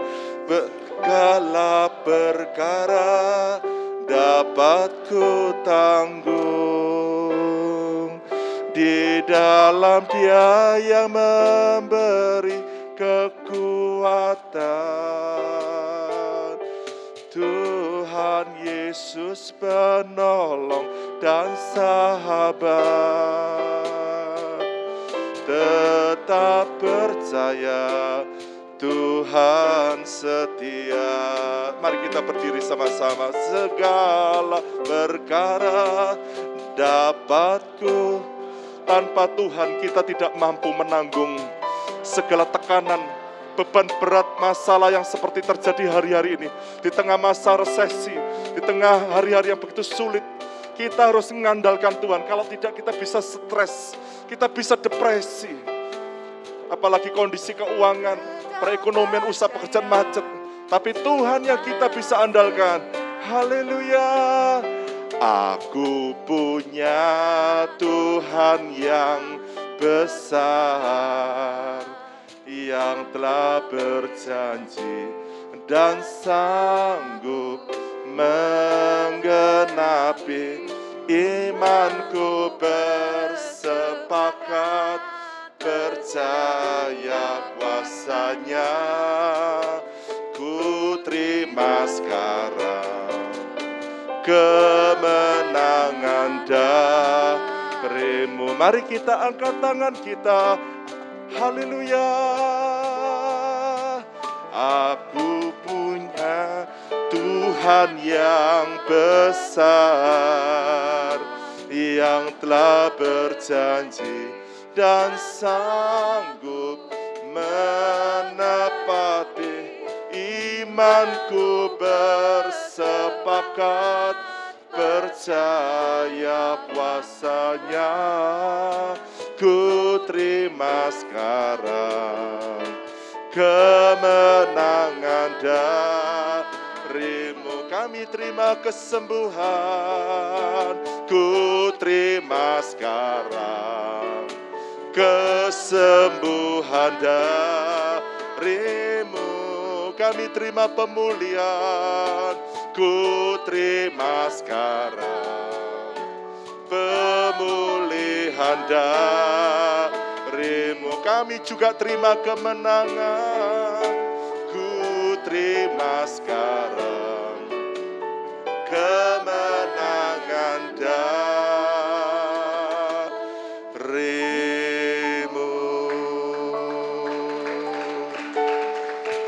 Terima kasih Tuhan. Terima kasih kami mengucap syukur buat kesempatan pada malam hari ini kami belajar lagi satu kebenaran firman-Mu. Manusia tanpa Engkau bisa lemah, mereka bisa jatuh stres. Banyak orang bisa mengalami depresi, tapi kami yakin dan percaya karena kami adalah milik-Mu Tuhan. Selama kami dekat dengan Allah, dengan Engkau Tuhan, hati kami, jiwa kami tenang. Karena kami tahu di luar Tuhan, tanpa Tuhan di samping kami, kami tidak bisa berbuat apa-apa Tuhan. Firman mengatakan kami tidak mungkin bisa berbuah Tuhan. Tetapi kalau kami tinggal melekat dengan Engkau, apa pun masalah yang terjadi, kami kuat menanggung segala perkara. Kami bahkan bisa mampu, bahkan kami bisa lolos, kami akan jadi lebih dari pemenang. Tuhan Yesus, kalau pada malam hari ini, di mana saja waktu channel ini kami putar, kami akan dengarkan lagi. Kalau mungkin ada kekasih-kekasih Tuhan, saudara-saudara kami yang saat ini sedang mengalami satu kondisi yang stres, saat ini sedang depresi jiwanya Tuhan, yang mungkin karena kondisi keluarganya, karena kondisi ekonominya, atau mungkin ada persoalan-persoalan yang saat ini silih berganti datang sehingga membuat kami sudah tidak mampu lagi menghadapi semua tekanan yang yang terjadi dalam hari-hari hidupnya. Tuhan, kami tahu kami punya Tuhan yang besar. Kami punya penolong yang ajaib. Yang padanya lah Tuhan, kami selalu berharap kepadanya kami harus bersyukur. Kepadanya kami harus selalu percaya Tuhan. Engkau baik dan tidak pernah tinggalkan kami. Kami berdoa dari tempat ini. Di dalam nama Yesus kuasamu boleh memulihkan, menyembuhkan kondisi apa pun yang kami hadapi. Mungkin hari-hari ini kami sudah dibawa kepada psikiater. Mungkin ada orang-orang yang sudah membantu menolong kami. Mari Tuhan, istimewa Tuhan. Kami hanya belajar untuk bergantung pada Tuhan. Kami percaya janji firman-Mu. Pulihkan, karena kami tahu ketika kabar baik ini disampaikan, Engkau juga akan membalut setiap hati-hati yang retak, yang pecah, yang saat ini sedang robek hatinya. Pulihkan ya Bapak. Kami percaya Engkau adalah Yehova Rabbah. Engkau bukan bisa menyembuhkan secara sakit fisik saja, tapi secara batinia.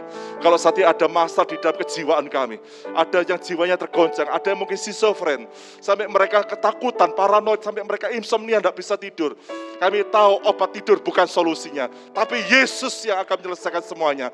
Kami minta roh damai sejahtera Allah mengawali hati dan pikiran masuk di hati kami. Sehingga hati kami boleh ketemu. Kami klik dengan Yesus. Kami lihat kuasa memulihkan dan membuat hidup kami jadi baru. Hidup kami merdeka, lepas dari depresi. Kami tidak perlu lagi tertekan. Setiap pekerjaan setan yang membuat kami depresi, yang menambah kondisi kami makin buruk, kami usir, kami tolak dalam nama Yesus. Oleh kuasamu dipatahkan Tuhan Yesus. Terima kasih Bapak, terima kasih. Kami akan akhiri pertemuan di dalam ibadah kaum muda di kelompok KAP ini. Kiranya kasih daripada Bapa Surgawi dan anugerah Tuhan Yesus Kristus di dalam kuasa persekutuan Roh Kudus sebagai roh penolong, penghibur yang selalu berjalan menguatkan kami. Kiranya Tuhan menyertai perjalanan hidup kami, memberkati rumah tangga kami, di dalam pekerjaan, di dalam pelayanan, di mana saja kami berada. Kami yakin dan percaya Engkau beserta kami. Bersama Tuhan, kami cakap menanggung segala perkara. Bersamamu, kami akan jadi lebih dari pemenang. Terima kasih, kami terima berkatmu hanya di dalam nama Tuhan Yesus Kristus. Tuhan dan Juru Selamat kami. Kami berdoa dan mengucap syukur. Yang sudah terima berkat Tuhan, katakan amin.